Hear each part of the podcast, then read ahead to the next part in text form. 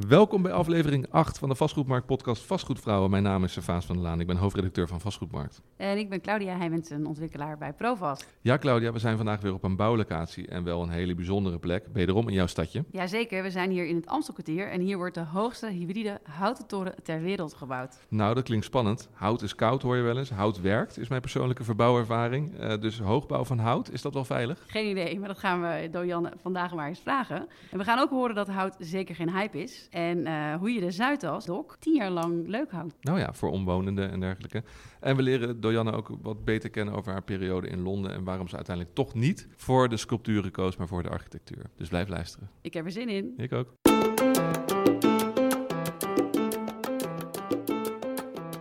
Welkom bij Vastgoedvrouwen. In deze podcast van Vastgoedmarkt leren we de vrouw in commercieel onroerend goed kennen. Hoe bewegen zij zich in een wereld die wordt gedomineerd door mannen in blauwe maatpakken en gesp schoenen? En hoe zijn ze in de wondere wereld van de stenen terechtgekomen? Presentatoren Servaas van der Laan en Claudia Heijmens duiken de diepte in. In een podcast vol humor, optimisme en een vleugje Hollandse nuchterheid.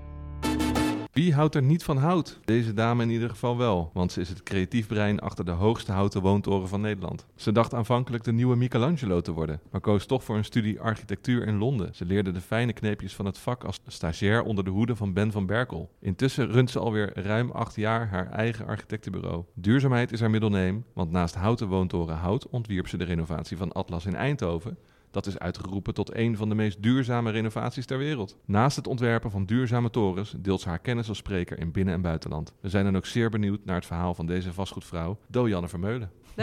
Leuk om hier te zitten. Klopt het een beetje? Bijna wel.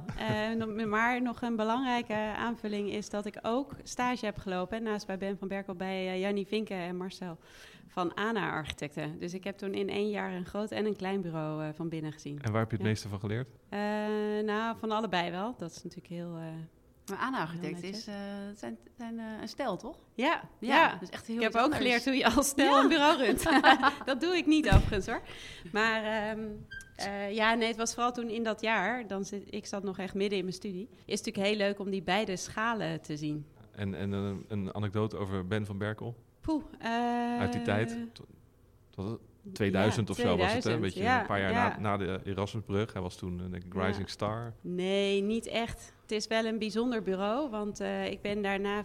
Ik ben op een gegeven moment uh, naar de reunie geweest toen ze 25 jaar bestonden. En uh, dat was wel heel leuk, want ik, heb, ik was daar alleen stagiair. En ik werd toen uitgenodigd om dus op dat feest te komen... met alle oud-werknemers die er in die hele 25 jaar gewerkt hadden.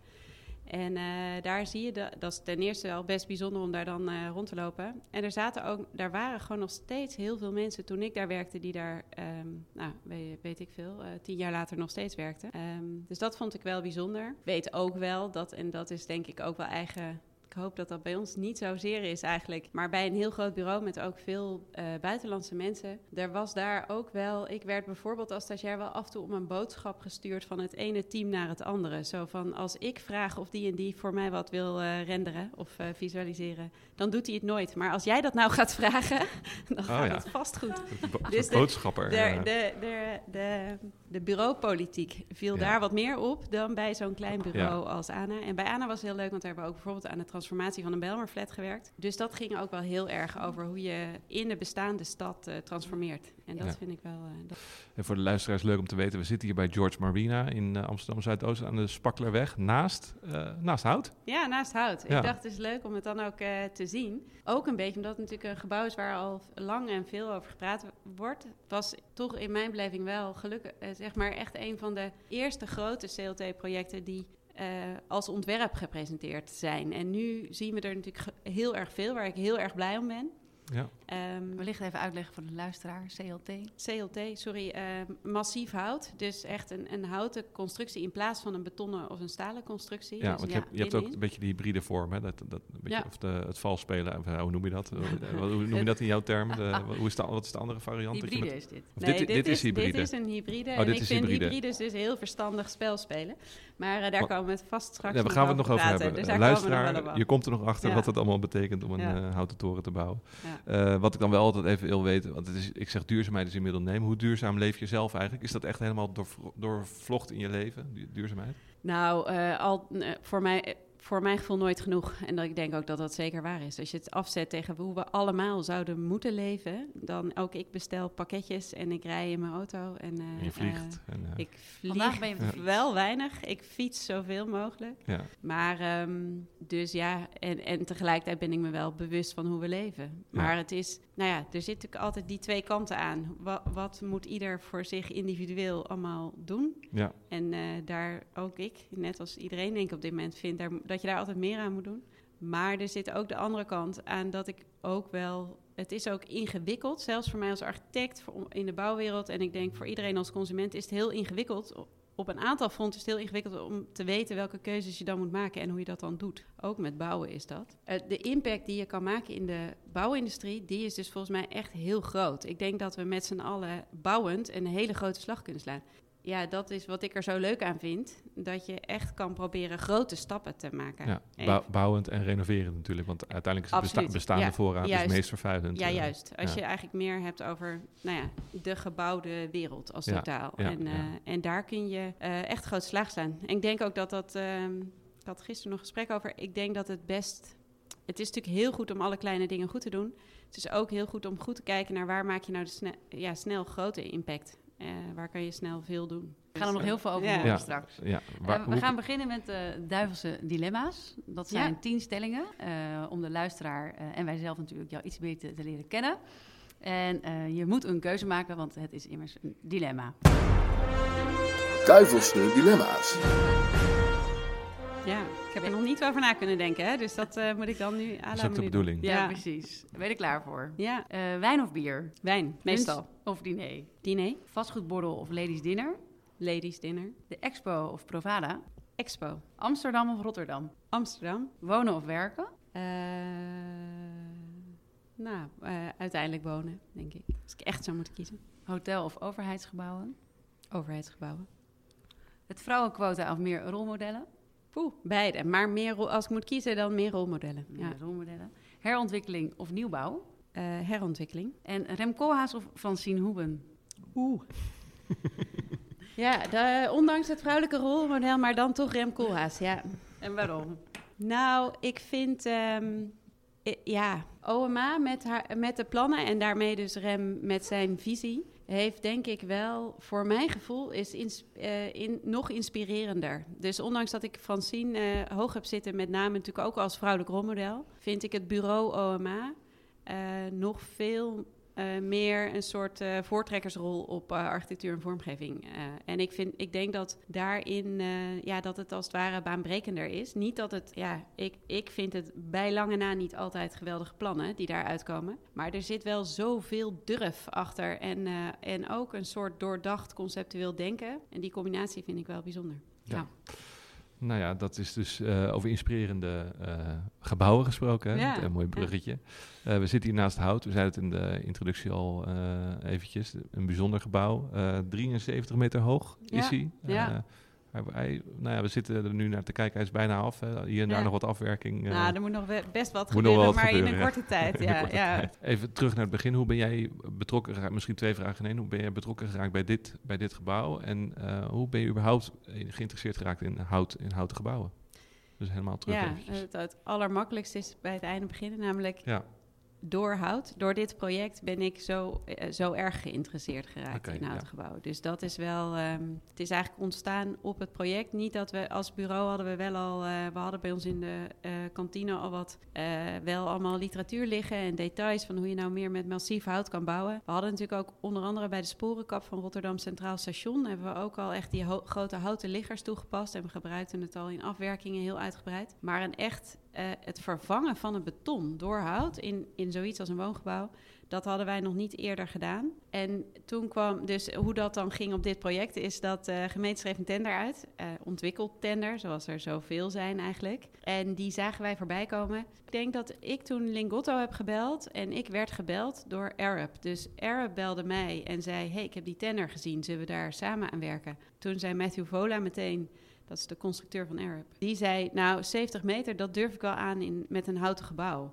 En toen um, uh, zei Lingotto, we willen dat wel met jullie gaan doen. Dus toen heb ik, nou, heb ik iedereen bij elkaar gebracht. En toen hebben Matthew en ik samen hebben we eigenlijk uh, Lingotto overtuigd dat het een heel goed idee was om dat in hout te gaan doen. Maar, um, zat hout in de uitvraag of was het echt een idee om het echt nieuw te gaan nee, doen? Nee, helemaal niet. De, Er zat wel, en dat is ook wel denk ik nu nog steeds nodig, is uh, het was een uitvraag die voor 40% op architectuur en stedenbouw, 30% op duurzaamheid en 30% op prijs werd beoordeeld. Die duurzaamheid zat er dus wel heel zwaar in en die werd op een BREEAM-score gewaardeerd. Dus je moest beloven om een hoge BREEAM-score te gaan halen. Dus, uh, lag hout dan voor de hand om dat te halen? Of was het nee, meer dat gewoon, was, nee ja. eigenlijk niet. Niet, Want hout nee. helpt eigenlijk onvoldoende nog, en nog steeds vind ik, uh, in die duurzaamheidscertificeringen. Dus het doet Ja. eigenlijk niet zoveel als het zou moeten doen als je realistisch kijkt naar duurzame Oké, effect dus het was hout. niet nodig om dit gebouw in hout Nee, eh, te en ook gebouwen. een aantal van de competitors deden dat helemaal niet. Waarom heb je dat toch gedaan? Waarom, waarom ja, omdat dit? we met elkaar dachten, het is, eh, we dachten een beetje, het, snij, het snijdt hout. Op eh Er zijn alle heel veel- drie heel die veel woordgrapjes aspecten. te maken met ja, hout, en ja, die komen er wel voorbij. Ja, die komen allemaal voorbij. Hebben ook, eh, er zijn een paar Ja. in ons team daar ook heel goed in. Dus Ja. die zijn Maar er wordt ook heel veel gesproken over hout in de media. En Ja. als je echt gaat zoeken naar voorbeelden, dan zijn ze er ook niet heel veel. Nee. Dus wellicht ook een stukje van, eh wij gaan het laten zien dat het kan. Ja, dat. En, ehm, en we dachten, we kunnen er en een extra kwaliteit op architectuur mee maken, namelijk die hele mooie woningen. We kunnen extra scoren op duurzaamheid, weliswaar niet in het vinkje, maar wel in de beleving ervan. En eh, we dachten, en dat klopt ook wel enigszins, we kunnen daarmee zo'n flexibel gebouw maken met steeds andere woningen ehm, en iets meer invloed van de kopers op de woning. Kan je dat uitleggen? Nou ja, uiteindelijk inhoudt het allemaal natuurlijk een heel technisch verhaal. Maar het, de, het basisidee wat je dan met elkaar bedenkt in zo'n tender... is dat je boet, beton moet je in een mal storten. En dan heb je dus heel graag gebruik je dezelfde mal meerdere keren. Ja. En dan heb je heel veel baat bij repetitie. En als je in hout bouwt, dan kun je in principe iedere component van je gebouw kun je specifiek maken. Want alles wordt gezaagd of gefreesd of verlijmd of gemaakt. Mhm. En je hebt dus eigenlijk een hele directe link van een computermodel naar de productie. Maar voor mij beeldvorm, eh je hebt geen sluitingsdatum. Want kopers kunnen daarna alles nog bepalen als het gaat om natte Nee, ruimtes en dergelijke. Nee, dat, nou, dat kan hier voor een groot deel wel. En dat eh, had in beton misschien ook wel gekund. Maar het is vooral ook, eh, je hebt dus niet zoveel baat bij het feit dat iedere wa- ieder wandelement hetzelfde is. Dus je kan je op de openingen in de wanden, waarmee we kamers met elkaar koppelen, of zelfs eh, delen van het stramine met elkaar koppelen om woningen te koppelen, die zitten steeds op andere plekken in de wand. Ja. Maar, maar in de, Flexibel in je ontwerp. in, ja, in de nou bouw, is het wel zo dat een heel ingewikkeld gebouw is en dat het allemaal helemaal uitgeïngineerd is. Dus die Ja. flexibiliteit achteraf, eh, die zit echt wel in het gebouw. Maar het was echt niet zo dat iedere koper maar kon zeggen, doe mij een beetje van Nee, precies. In de bouw is natuurlijk ook bekend niet standaard, het is duur. Als jij, eh, geldt dat ook voor hout? Nou, hout is een duur gebouw. Ja. Eh, en dat zit hem eh, voor het grootste deel helemaal niet in de houtconstructie. Dat zit hem voor een heel groot deel in de grond. We liepen net buiten en toen vertelde ik al even over die hele complexe situatie met dijken en boringen en kabels en treinen en alles. Ehm, maar het zit hem ook voor een heel groot deel in het high-end opleveringsniveau van deze koopappartementen Maar even, en eh, in de het, duurzaamheid. het gebouw staat op beton, Ja. toch? Dus wat maakt het dan zo ingewikkeld in, die, in, die, eh, In de grond? In de grond, ja. Nou, Kan je dat uitleggen is- in een paar ja, zinnen? de, we zitten in een gebiedje waar een enorme, waar we veel dieper moesten funderen om op een stabiele zandlaag te komen. Mhm. Eh, er zitten kabels en leidingen in de grond die deels onder het gebouw terechtkomen, waardoor je niet recht naar beneden kunt funderen. Mhm. Ik probeer het allemaal heel erg leken taal. Als je Ja, de ik probeer aannemer even, spreekt, ik probeer heel even te begrijpen waarom Ja. hout het zo ingewikkeld maakt. Want Nee. hout is lichter dan beton, toch? Ja, Dus nee, je- dus het was in beton nog veel moeilijker geweest. Ja, het is eigenlijk ja. een gebouw wat sowieso op een hele ingewikkelde plek bleek te Oké, staan. dus dat en heeft eh, niks met in beton, hout te maken. Nee, Ja. Is hout veel beter. Ja, hout Ja, sowieso ja. Was, was op dat vlak veel beter. Maar is het een duurder gebouw vanwege de, het gebruik van hout geworden? Nee, iets, maar niet zo heel Dat veel. maakt niet zoveel Ja, uit. Nee, niet zo ontzettend veel. En ik denk dat... eh, dat is wel een doorbraak aan zich, want we horen heel vaak hout is duurder. We Ja. weten dat het niet altijd hoeft zo hoeft te zijn. Je Nee. hebt laten zien dat het dus ook niet zo is. Dat zou een voorbeeld kunnen zijn voor anderen in de sector. Ja, nou wat ik een heel bijzonder project vind is... ehm, eh, we zijn ook bezig met het hoofdkantoor voor DPG Media. Dat is een houthybride kantoorgebouw van meer dan 40.000 vierkante meter... wat we maken eh, eigenlijk achter de huidige drukkerij langs de A10. En daar is echt wel gezegd... eh, we willen een duurzaam gebouw, we willen een goed gebouw... we willen een high-end kantoorgebouw of een, een mediagebouw. maar we betalen in principe niet extra voor een houten constructie. Dus als we dat gaan doen, dan moeten we terugverdienen in de hele ontwikkeling van het plan. En daar kunnen we iets sneller bouwen in hout dan we hadden gekund in beton. Maar die snelle, kortere bouwtijd, die levert ook weer wat op. Namelijk de huurlasten van, die je anders zou Ja. krijgen. Ik ben ook wel benieuwd dat ze zeggen vaak wonen in hout. Hè? Dat is warm en mensen voelen zich veilig. We willen allemaal terug naar die boomhut. Eh, zie je dat ook? Is dat ook een ontwerp dat je mee hebt genomen, filosofie in je ontwerp van de plattegronden voor de mensen? Nou, we hebben geen boomhut ontworpen. nee, nee maar En zeg ook- gechargeerd, Nee, maar ja, eh, nee, dat snap ik heel goed. terug We naar de natuur. ja, eh, de- ja. ja. Nee, we hebben ook altijd gezegd, we, moeten, we gaan, gaan niet op zoek naar het sauna-effect. Dat is eigenlijk Nee. een beetje het tegenovergestelde van wat we wilden doen. Eh, in hout zijn alle plafonds in principe van hout. En dat is al heel bijzonder, want ook wereldwijd, de andere hoge gebouwen zijn allemaal helemaal, alles is afge, afgegipst, zeg maar, voor brand. Ehm, dus het is bijzonder dat je houten plafonds kunt houden in je woning. Je mag Ja. ze, ja, we, het zijn koopwoningen, dus wij kunnen dat niet verplichten. Gaan we ook niet doen hoor. Dus iedereen mag daarmee doen wat hij wil. Eh, dat is eigenlijk de grote winst. En verder hebben we Dat zie je eigenlijk dus als een pluspunt. ja, ik denk dat dat toch, het is, eh, ik denk dat best veel mensen, ik vind het als ik er, toen ik er, als ik er rondloop op de bouw, vind ik het echt wel bijzonder. Het voelt echt wel als een ander, anders dan, ik loop veel op de bouw, ik vind het superleuk, met mijn laarzen op en mijn, en mijn laarzen aan en mijn helm op. Maar het voelt gewoon zachter. Het Ja. voelt minder Maar, maar hard ook omdat we natuurlijk 100 jaar beton gewend zijn. Dus dit is een keer wat anders. Is, dat, is het niet een tijdelijk wow-effect? Nou, ik denk het, ja, dat weet ik niet, geen idee. Ja. We, we gebruiken ook al heel lang houten tafels. En eh, eh, weet je, ik denk ook wel dat er echt een soort. ehm, eh, Michael Green noemde dat, is een, een van de grote houtarchitecten uit Amerika.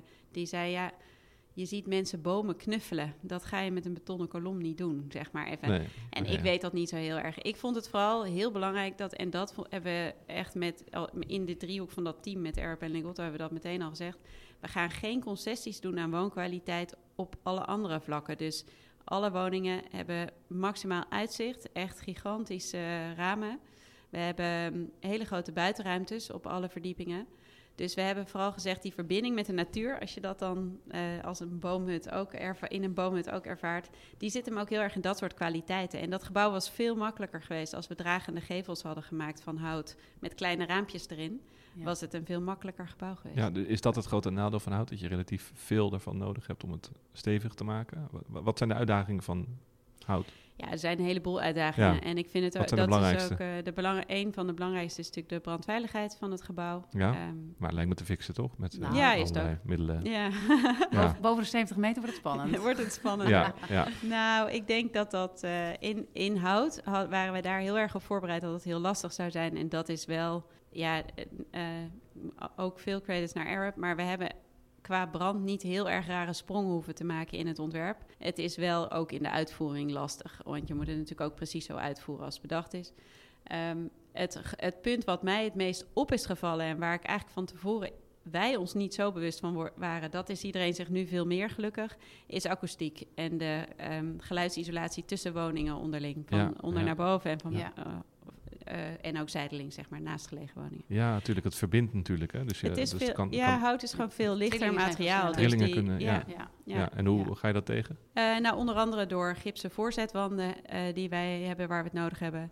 Ehm, er ligt een eh, betonnen vloer op de houten vloer, dus dat, is, eh, dat helpt mee. En eh, dat kan ook allemaal op andere manieren ook. Maar je hebt daar dus wel echt veel meer specifieke oplossingen voor nodig. Terwijl als je je beton hebt neergezet, dan doet het het. En dan is het eh, op hoofdlijnen met een zwevende dekvloer en alles. Maar dan is het in, in de basis goed. Ja, ja, Ja. oké. En even terug naar die, eh, de consument. Die zegt, je wil eigenlijk geen eh, eh, afstand doen of eh, ja, minder kwaliteit maken. Misschien maak je wel meer kwaliteit. Ja. Eh, eh, de doelgroep die je voor ogen had, hè, die, die allicht geeft die ook veel meer om duurzaamheid. Eh, kan je dat zien? Heb je dat eh, ervaren in de populariteit en de afname van eh, woningen? Ja, het gekke is dat ik niet precies weet wie er nou wonen allemaal straks inhoudt. Ik ken er een paar, want we zijn wel ehm, al in de tenderfase, dus echt helemaal bijna vanaf dag één zijn we met een vijf tot zeven tal kopers zijn we in gesprek gegaan en hebben we schetsessies gedaan op hun woningen. En eh, vijf daarvan wonen er straks ook in hout. Dus die Oh, zijn mooi. echt al vijf jaar met dat plan bezig. En we hebben eigenlijk ook alle woningen die, die we daarna hebben ontworpen, hebben we wel meegenomen wat zij ons hebben meegegeven over wat zij in een woning zouden willen doen.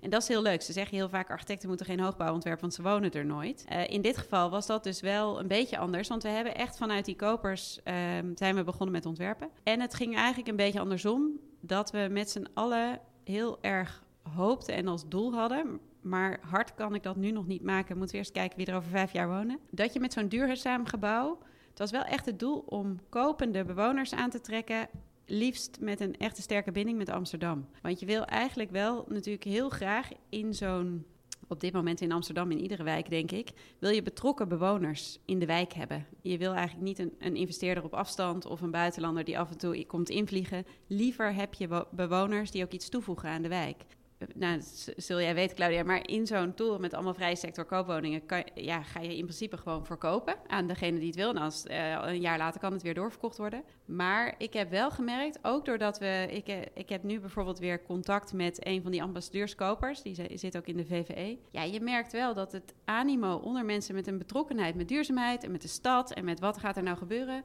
die is groter. Ja. En het spreekt ook die mensen aan. En ik, ja, nogmaals, ik kan daarmee geen ticket afgeven dat ze daar straks ook allemaal zo wonen. Maar ehm, het, het, heeft zeker heel erg geholpen in de belangstelling voor het gebouw. En voor die woningen ook. Ja, dat hoorden we al eerder in de podcast, dat er nu een nieuwe generatie is die echt een huis kiest vanwege het duurzame aspect. En dat, dat herken jij dus hier. Ja, ja ik denk Mensen gaan echt hier wonen vanwege het hout. Uh. Ja, maar ik vind het, ik, ik denk gelukkig maar dat je dat overal wel merkt. Wij merken ook beleggers die niet meer willen investeren in niet duurzaam vastgoed. En we, we, we, kennen, um, ja, je kent natuurlijk inderdaad kopers die ook met hun eigen huis veel meer bezig zijn. Dus ik denk dat dat maar dit zijn dus allemaal koopappartementen, begrijp ik. Ja. ja. En uh, wat voor prijzen moeten we dan denken? Nou, best hoog. je kunt het op de website vinden. Er komen er nog twee te koop. Je kunt ervoor gaan. Wat voor Amsterdammers zijn dat die hier komen met een dikke portemonnee. Het was ook um, uh, een van de laatste projecten. Ik denk zelfs het laatste project dat de gemeente op de markt heeft gezet als SEC-vrije sector. Dus echt gewoon... Uh, uh, vrije sector en niet in een mix. Dus op dat moment was dat, ja, dat was ook echt de bedoeling van deze toren. En in de wijk is er gezocht naar een hele goede mix. Ja. Dus uh, die zit niet in het gebouw. Dus als we het hebben over brandveiligheid, de brandweerman die kan hier niet gaan wonen in het uh, inhoud. Nee, ik hoop heel erg, en daar wil ik me ook absoluut hard voor maken. Tenzij hij veel gespaard dat hij, uh, dat hij wel in Amsterdam kan blijven wonen. En ik vind het ook heel belangrijk dat dat wel gebeurt. We zijn onder andere ook bezig met sociale woningbouw. Weliswaar die nog in beton. En dat wil ik dus ook in hout. Ik denk ook dat dat kan. Hè. Maar dat kan dus wel. Je kan gewoon echt sociale huurwoningen en middenhuur in hout bouwen. Dat heb jij nu wel uh, ontdekt. Ja, dat vind ik echt. Ja.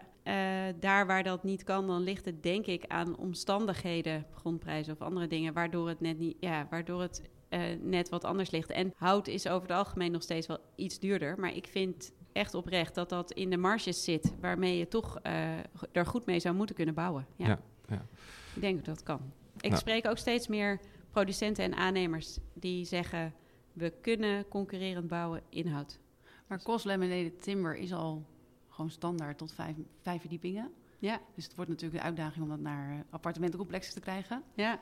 En met dit soort innovaties uh, gaat dat wel lukken. Ja. Misschien, de prijzen gaan wel stijgen op dit moment trouwens. De ja, het is, bouwprijzen. dus, het, is ingewikkeld, uh, het is ingewikkeld, uh, moeilijk, ah, moeilijk te krijgen materiaal. Ik vind, wat, wat belangrijk is volgens mij, is dat um, we iedereen, ik, de, daar is de overheid echt heel belangrijk in, er moet een stip op de horizon blijven staan. Want ja, dit, nu stijgen de prijzen loeihard van hout. En uh, door die rare vraag en aanbod, we zijn ook allemaal ineens in hout gaan ontwerpen. Dus uh, ik denk dat jullie allemaal om de haverklapplannen voorbij zien poppen in hout. Dus de vraag is heel erg gestegen en het aanbod van dat hout nog niet, de, wel van de bomen, maar niet van de houten bouwmaterialen. Of eh, de CLT is, is nog niet hard genoeg meegegaan. Nou, ik denk dat het ook geholpen heeft dat we er zoveel over gezien hebben. Ja. Vooral voor consumenten, want wij krijgen heel veel vragen over... ja, maar is dat wel veilig om daarin te wonen? En wat betekent hout voor mij als ik, daar, als ik daarin investeer? Maar door dit soort projecten en natuurlijk andere projecten wordt het ook meer mainstream. Ja, ik heb het gevoel dat dat nu best wel begint te komen. Dat het echt wel main... Ik, merk bijvoorbeeld bij... Um, ik heb een aantal van die sessies gehad met sociale woningbouwverenigingen... die het ook echt moeten onderhouden. Die, daar zit nog een beetje twijfel. Als ze zelf verantwoordelijk zijn. En maar deze gevel is niet heel veel hout. Nee, daar hebben we ook wel bewust voor gekozen. Vertel. Ik vind hout als gevelmateriaal best echt heel erg mooi. Ik vind in Nederland ook best vaak niet zo goed gaan, op, Noord, op Noordgevels vooral. Um, en we hebben met elkaar gezegd, ja, wel, wat we gaan doen is gewoon de hele, het hele binnenwerk van hout maken. En daar moet een hele goede schil omheen. En een toren van 73 meter hoog, daar wil je echt niet over 15 jaar de gevel gaan vervangen. Omdat altijd ergens toch het meeste hout groen is geworden. Dus we hebben wel houten plafonds uh, onder de balkons buiten. Maar die hangen beschermd uh, van Ja. zon en regen. Dus, dan is er eh, ook een tussenconclusie. Hout is nog voor de gevel nog niet echt geschikt eh, materiaal dan. Jawel, door. ja, kan wel, Ja. maar niet zozeer in zo'n grote hoogbouwtoren. Oké, als je ja, dat je- gewoon, als je daar makkelijker bij kan Nee. en het is niet zo erg om één of twee latten te vervangen. Dan, eh, Even, even tot slot, wat ik heel grappig vind, eh, even de laatste vraag. In hoeverre is hout een hype? Want we hebben, volgens mij in de jaren negentig was hout helemaal, eh dan mocht je niet aankomen, want toen de bossen werden gekapt, Amazone, weet je, dat Ja. was helemaal niet duurzaam. Nu is hout heel erg duurzaam. In Ja. hoeverre leven we nu in een, in een hype en over een paar jaar heeft niemand er nog over, over hout? Wat denk ik jij? denk dat, ja, ik, ik geloof helemaal dat het geen hype is. Er is ook echt wel veel wetenschappelijke instituten hebben zich daarachter geschaard dat de, de houtrevolutie, ehm, tussen aanhalingstekens, in de bouw, dat dat een serieuze slag kan slaan in de, in de weg naar minder CO2-uitstoot en het tegengaan van klimaatverandering. Dus ik geloof, ja, ik, ik ben niet die wetenschapper. Ik, geloof, ik heb daar wel natuurlijk echt goed eh, me op ingelezen. Ik geloof daar wel in. Ik denk Ja. dat het geen hype is. Ik denk dat het gevaar is als die kosten. ehm, eh, curve, zeg maar. Als die niet een beetje... Uiteindelijk moet die afvlakken. En ik denk, daar is het juist zo belangrijk dat we niet over twee jaar denken... oh, nou, nou hebben we het hout wel gehad, gaan we weer wat anders doen. Er, Ja. er moet echt... Of we vallen je weer moet terug op dat beton, Ja, want dat is er altijd. Of we krijgen een nieuw hip, een nie- nieuw hip iets anders. Niet Ja. dat we ook andere dingen moeten doen, maar we moeten dit juist nu Ja. doorzetten. Ook als het niet meer zo hip is, dan moet het mainstream nog steeds gebeuren. Ja, want we hebben circulariteit en dan gaat het over duurzaamheid. En Ja, dan dus gaat je het hebt over natuurlijk. hout. Ja, en- maar ik ja, denk eigenlijk juist dat consistentie in duurzaam denken is veel belangrijker dan steeds weer. Het is wel leuk om ook de nieuwe dingen te ontdekken, maar je moet Ja. ook die andere dingen blijven doen. Ja. Ja, we moeten doorzetten. Eens. Niet, niet terugvallen in Nee. oude gewoontes. Dat we toch weer dat betonnen... Hoewel beton blijft, begrijp ik. Hè? Je zegt fundering, Ja. moet je gewoon lekker in beton... eh, ja hoor, en hybrides vind ik voorlopig ook Ja, een heel goed hybrides. idee. Ja. Dus we zitten, als we in de autometafoor zitten we nu in de hybride fase. Ja, we zitten- Voordat we, na- Ja. voordat we echt naar de... Hele- even dat we in de de waterstof EV aan gaan. Nou ja, we moeten toch waterstof. ook hoog blijven bouwen. Daarom. Ik. Dus, hey, we gaan even eh, kappen nu met hout. Ja, heel goed. Snap je hem? Kappen, kappen. Ehm, je bent naar de middelbare school naar Londen afgereisd, zag ik in, Ja. jou, in jouw cv. Eh, van waar die keuze? Hoe kom je in Londen terecht? Nou, ik heb een klein uitstapje gemaakt naar Bath bij Bristol. Daar Ja, heb ik een jaar die kunstacademie Die gezeten. vind, ik- vond ik nog interessanter, want er Ja. stond sculpture, vandaar de. Michelangelo. Wilde jij vroeger eh, de nieuwe Bernini worden? Nee, dat eigenlijk niet. Ik heb wel even getwijfeld of ik eh, iets minder klassiek, zeg maar. Maar eh, of ik wel sculpture zou gaan doen ook. Heb ik eh, eigenlijk serieus over getwijfeld. Heb ik me aangemeld, eh, plek gekregen. En toen toch maar bedacht dat ik dat niet ging doen. Ehm, maar Wat? dat was bedoeld als gewoon een year out, zeg maar. En maar daar zit, toch, daar zit toch een verhaal achter. De jonge Dojanne die sculpture gaat doen in Bath. Dat, is, dat doet niet iedereen. Nee, maar ja, toch was het ook weer zo, zo hoogdravend was het niet. Het was echt wel dat wij, eh, dat ik thuis gesprek had met mijn ouders en dat we, dat ik dacht, het is superleuk om eh, niet meteen die universiteit in te gaan en ook wat meer, eh, ja, in een ander land, een andere taal. Ja, maar er zijn ook mensen die gaan backpacken in Thailand. En jij, Ja. jij gaat sculpture doen, daar, daar, moet, nee, zit maar toch ik iets was achter. wel echt, ik dacht echt, nee, het heeft niet zoveel zin. Je moet je leven, al- je, je- ja, het was meer het idee, dan vul je jezelf wel weer met iets echt eh, inhoudelijks. Het had ook iets anders kunnen zijn, maar ik, ik had op school een pakket met gewoon natuurkunde, wiskunde, B, de hele technische kant en eh, geschiedenis en economie en weet ik het allemaal. Maar niks creatiefs. En toen, ik had wel al ergens het gevoel van misschien dat ik wel of industrieontwerpen of bouwkunde zou willen gaan doen. Ja. Dus toen dacht ik, nou dan ga ik daar, eh, ga ik dat, ga ik dat bekijken, zeg maar, hoe ik, daar, eh, hoe ik dat vind. Even onderzoeken hoe En dat het sloeg is. best wel door, want ik ben dus echt, ik heb op het punt gestaan om dat eh, te gaan doen. maar- Totdat ik dacht, dan ben je je enige eigen drijfveer en dan moet je dus steeds je eigen zelf eh, jezelf weer voortstuwen in, op het goede pad. En ik vond het te moeilijk voor mezelf om dan een antwoord te geven op allerlei maatschappelijke vraagstukken. Dus ik vond het wel echt belangrijker of interessanter om die creativiteit in te zetten voor een vraag die iemand ook echt bezighoudt. Ik wil, weet je, ik wil een gebouw of hoe maken we de stad? Of, dus ik vond, ja, dat maar is maar dat kun je met een, met een mooi beeldhouwwerk toch ook. Je kunt mensen inspireren of, of mensen aan het denken zetten. Dat kan daar toch ook mee? Zeker.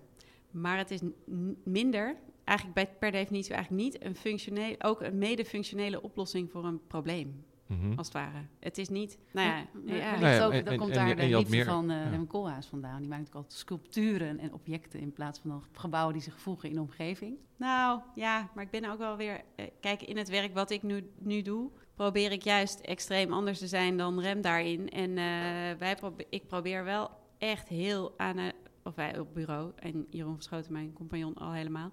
Proberen heel erg analytisch, ehm, pragmatisch antwoord te vinden. Wat echt de, wat, wat de vraag beantwoordt, maar ook overstijgt. En daar dan een verrassend antwoord, uh, ontwerp van te maken. Dus het, het mag nooit te simpel en te voor de hand liggend worden. Maar het moet wel, ja, wij, wij kijken wel echt heel goed naar allerlei. het moet niet alleen een statement zijn, dus. Hè? Nee. Dus het moet ook iets, iets, En ook als het alleen, ja, alleen verrassend is, niet genoeg, zeg maar. En waarom is het architectuur geworden?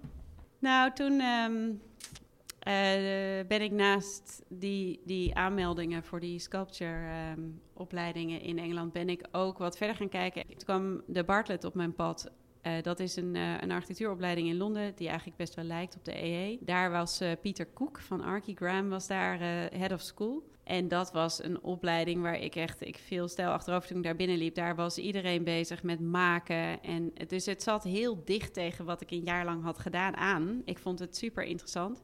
Heel conceptueel, heel gedreven, keihard werken allemaal. En dus ook, ja, daar was niks braafs aan, zeg maar. Dus uh, toen vond ik dat heel leuk. Nou, dan, ben ik dat dus Delft was iets te braaf keuze. voor jou dan? Nee, dat durf, ja, dat moet ik. Dat, uh, ik heb mijn beeld daar. over. De, mijn, ik heb mijn, ja. ik ben ook niet.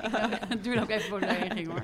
Nee, ik heb Delft. Ik heb achteraf mijn beeld over Delft bijgesteld. Destijds ja. dacht ik dat wel, ja. Ik ja. dacht echt, jeetje, wat een klein stadje en wat braaf. Hoe was die tijd in Londen? Vertel eens even. Ja, superleuk. Ja. Ik vond dat echt heel erg leuk. Ja, ik vond het een hele leuke Meer stad. weten dan superleuk. Nee, dat snap ik.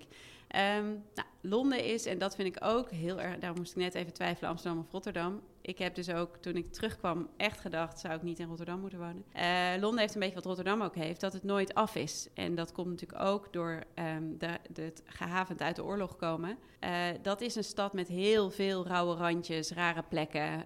Um, en daar kun je als student dus ook echt... Ja, je, je hebt als het ware heel veel vrijheid. En je hoeft niet zo ontzettend um, conformistisch te ontwerpen. Want, want er is, de, ja, het is een hele, hele ja. rauwe en hele, uh, vaak ook lelijke en wat vreemde context. Ik heb een heel ander beeld bij Londen, maar waarschijnlijk loop ik te veel in Mayfair. Ja, ja, ja, dat is ja, wel een maar dat is natuurlijk het beeld ja, dat iedereen van Londen echt heeft. van Camden ja. tot Bromley King by Cross Bow en, uh, en Ja. uh, Ja. Southbank, waar het toen nog echt wel anders was dan nu. Ja. Uh, ja, nee, dus ik, ik zat, ja, in mijn studententijd heb ik inderdaad, uh, ik denk dat ik uh, niet heel veel in Mayfair ben geweest, maar ik heb daar wel, ik vond het een, ik vond het een stoere stad en ik vond het ook enorm leuk om daar te leven. Ik hou ook van de taal en van de Engelse mentaliteit en dus ja. ik- Ga je dan ieder jaar heen om geïnspireerd te raken en dat weer mee te nemen naar Nee, je ja, ik eigen heb- werk? Toen ik terugkwam heb ik natuurlijk voorgenomen om echt om de acht weken daar weer naartoe te gaan. Maar dat komt er bij lange na niet van. Ik ga nog steeds wel graag naar Londen als, er, uh, als het ervan komt. Is, is er ooit sprake van geweest dat je daar zou blijven? Na je studie? Ja. Ja, nee, eigenlijk wel. het is anders de- gelopen. ja, door de liefde. Oh, de Nou, liefde. door de ja, nee, de nee, liefde. nee. Ja. Misschien een dependance voor eh, Team V-architecten daar? Ja, nou, dat is nu met de hele brexit wel iets verder Oh weg ja, geraakt, natuurlijk. eerlijk gezegd. Maar, eh, Zou dat je ja. droom zijn? Nee, nu niet meer, denk ik. Maar Nee? het, ik, nou, nee. Het, maar het is wel een land ehm, waar, we in, waar ik in principe graag zou willen werken. Ik vind het een leuk land. Ja, Als je het hebt over hoogbouw, kan je daar denk ik heel veel leren. Ja, want wij praten over hoogbouw is 73 ja meter, nee, maar... eh, ja, je hebt er daar een ja, paar hele hoge... Ook hele, het is ook, eh, qua hoogbouw denk ik dat Londen weer niet... ik weet niet of ik daar zou gaan kijken hoe het wel moet. Ik vind dat daar ook... ehm, nou, in Londen is met hoogbouw juist ook wel veel misgegaan. Iemand, ehm, ik moet even nadenken, die, he- die zei ooit... Als je Londen en New York vergelijkt, zie je waarom je in New York hoog kan bouwen en in Londen niet. Londen is een stad van puzzelstukjes. Dus het is één grote crisscross eh weggetjes met, met nul zichtlijn. Ja. En ehm, als je die zichtlijnen lang maakt, kun je hoog bouwen, zei zij. En als je ehm, dus altijd maar weer je zichtlijn blokkeert, dan moet je eigenlijk niet zo ver de lucht in. En dat Ja. is in een tijd in Londen kon echt iedereen air rights kopen, oneindig hoog. Dus daar is gewoon heel commercieel over nagedacht. Ik weet Ja. niet of dat Ja. nou. eh, En New York is natuurlijk altijd die, die Avenue Street structuur Ja. heilig geweest. ja, die Dus- is heilig. En, de- En wat je daar binnen doet, mag je, moet je zelf weten, als het maar hoog is. Ja. En is het ook niet zo dat, eh, want daar heerst heel erg van als je tussen die hoogbouw loopt, dat is anoniem. Sommige mensen kunnen daar nooit komen, want ze werken daar niet in die Nee. eh, financial district eh, areas. Ja. Eh, die maakt de vergelijking hier ook. Hè. De- Iedereen gaat naar binnen. En Ja. waar vind je elkaar nog? Dat zijn het onderwerpen waar, dat jullie bezighouden? ja, enorm. Ja. Het leuke aan hout is dat er echt een plint is die als het ware uitgetrokken is onder het gebouw vandaan. Dus er zit een veel grotere plint onder dan het gebouw zelf.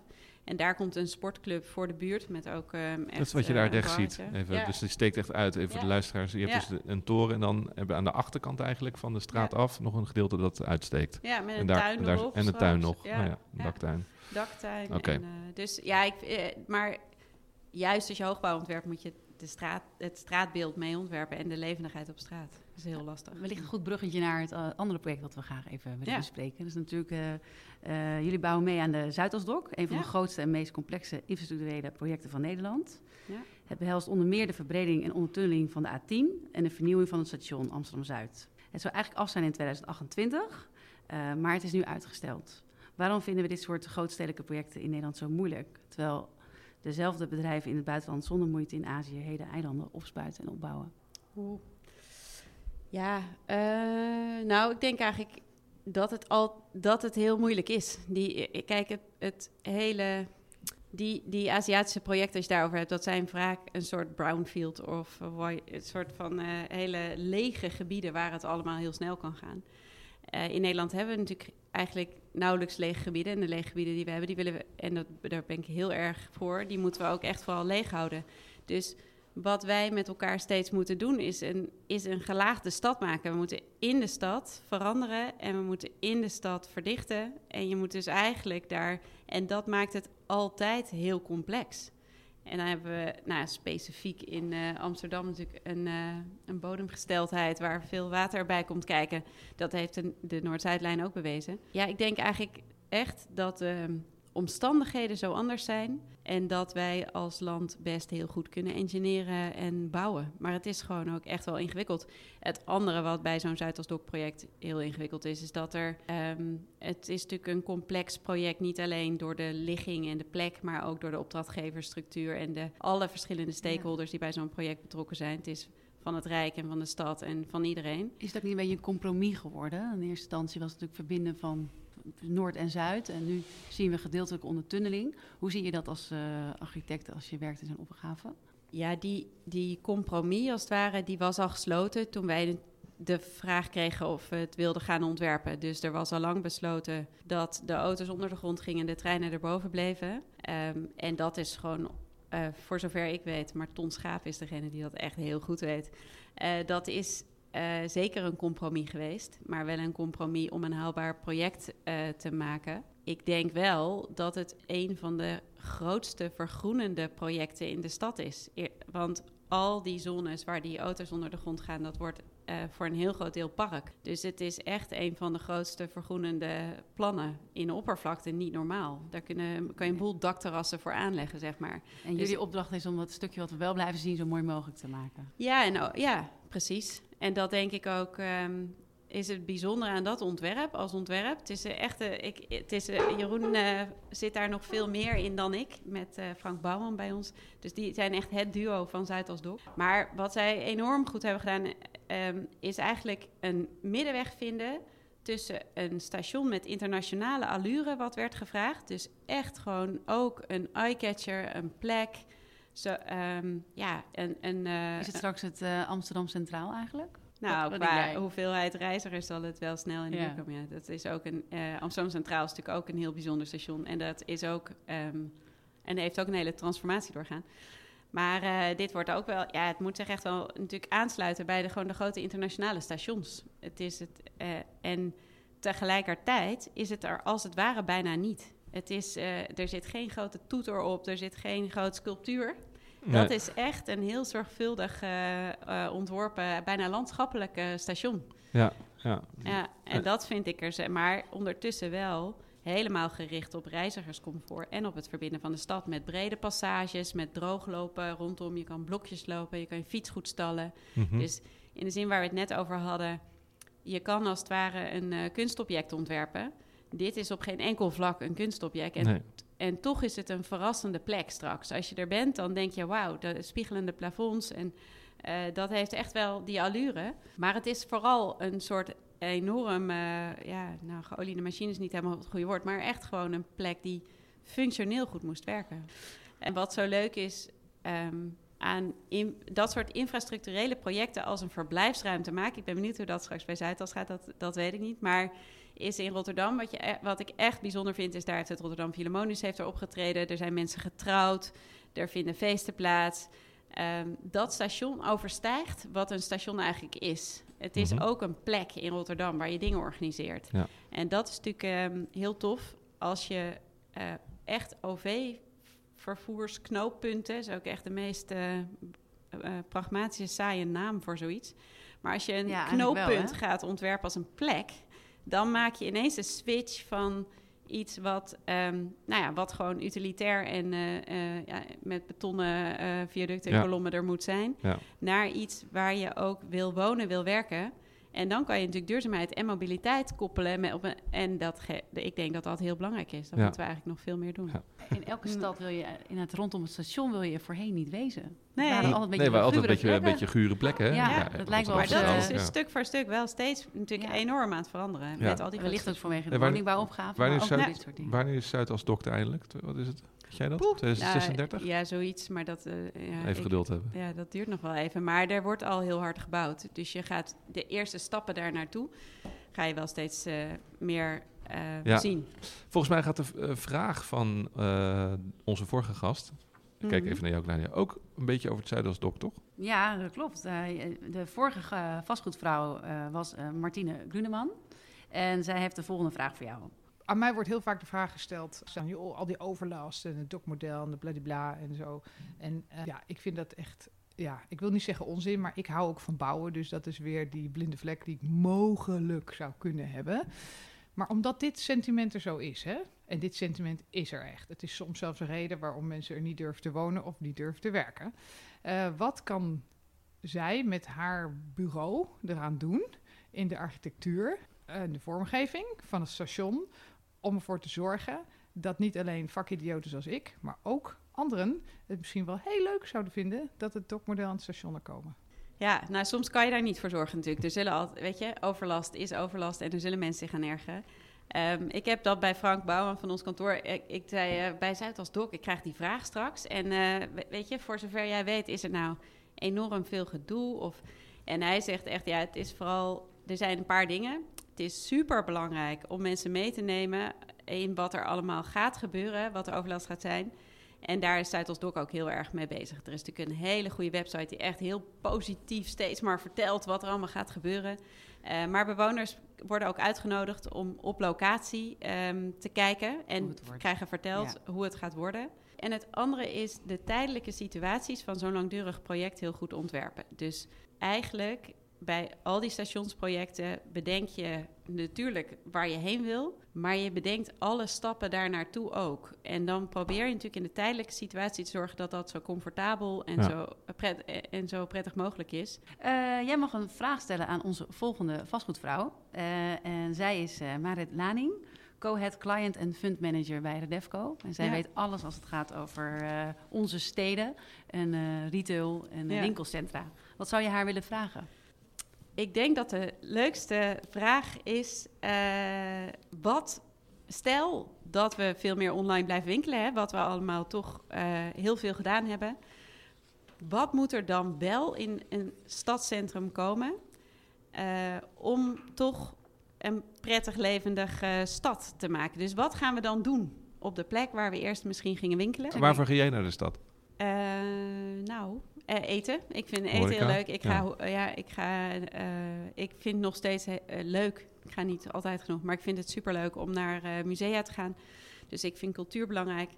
Ehm, maar ik, vind, ik denk dus echt ook dat we, we zijn voortdurend met z'n allen op zoek naar wat doen we nou als we bij elkaar willen zijn. En wat gaan we, wa- wat gaan we daar dan doen dan, zeg maar. Ja.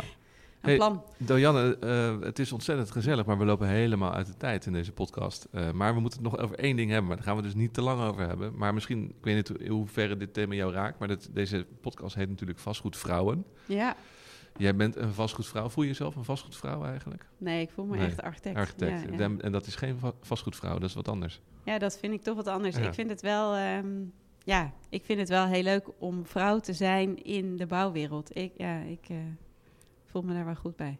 Want, Ja. want hoe, hoe, is, hoe is dat om als vrouw te acteren in die bouwwereld? Ja, ik vind het leuk. Ja? Ja. En ik heb ook echt zelf nog nooit een rem gevoeld omdat ik vrouw was. Maar ik, de, ik ben me er wel van bewust. En daarom denk ik dat die rolmodellen op zich interessant en belangrijk zijn. Het gekke is dat ik dus altijd alleen maar heb gevoeld van... oh, door, bijna doordat je vrouw bent kan je nog meer. Ehm, maar ik weet ook wel dat dat lang niet altijd voor iedereen zo voelt en heeft gevoeld. Dus ik denk dat het wel in die zin, uh, nou ben ik heel blij met jullie podcast. nee, denk ik dat, dat je daar best uh, nog heel veel aan. Maar hoe komt het dan dat jij dat wel zo voelt en anderen niet? Wat, wat ja, uh, ik heb dat? geen idee. Nee. Ik denk ook een beetje lak. En je moet ook de omstandigheden, de mensen met wie je werkt, in mijn geval het samenwerken met Jeroen en met een heel bureau. Ja, ik denk dat daar ook gewoon dan staan de lichten als het ware op groen. En, um, en tegelijk, ja, en verder weet ik het eigenlijk niet goed. Ik zal het heus niet anders hebben aangepakt dan veel andere vrouwen.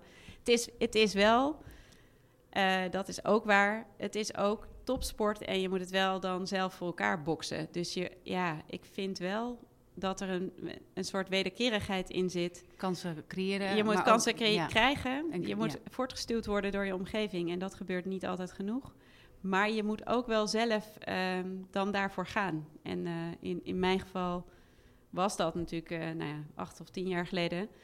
eh, was het ook wel echt, ja, je moet als het ware de kans krijgen om je te presenteren, maar je moet ook wel zelf op die zeepkist gaan staan en dan eh, gewoon vertellen van, nou, dat, dat zo gaan we doen, of daar gaan we naartoe. En maar dat is maar je, je zegt dit alsof dat vrouwen minder, dat, dat minder geneigd zijn dat te doen, op die zeepkist te gaan staan. Ja, ik heb wel eens gezegd dat dat misschien zo is. Ik weet, maar Ja. dat kan ik moeilijk over, overzien Ja, dat- voor dat- iedereen. Maar ik dat- vind het in elk geval ehm, belangrijk dat eh, dus of vrouwen dat nou echt minder doen. Ja, soms heb ik dat idee, ja. Ja. En ik denk ook dat het hard werken is. En ik denk ook, eh, dus de, je moet als vrouw ook wel, ehm, ja, je moet het ook zelf voor elkaar boksen. Maar dat moet je als man ook. Ehm, Mhm. Ik denk nu wel in deze tijd dat vrouwen heel veel kansen krijgen om op de zeepkist te gaan staan. Want we zijn de- gelukkig maar, hè, bij heel veel jureringen en bij heel veel ehm, debatten wordt er natuurlijk echt wel gekeken naar een goede mix tussen man en vrouw. Mhm. Dus je krijgt veel, je krijgt veel kansen. En daarmee kan je ze ook maar eerder pakken. Nou, dit was alweer de achtste aflevering van de Vastgoedmarkt podcast Vastgoedvrouwen. Je vindt deze podcast om de vrijdag in je favoriete podcast app. Vind je deze podcast interessant of leuk? Deel hem dan met collega's, vrienden, kennissen en familie of via de socials. Dankjewel voor het luisteren en graag tot de volgende keer.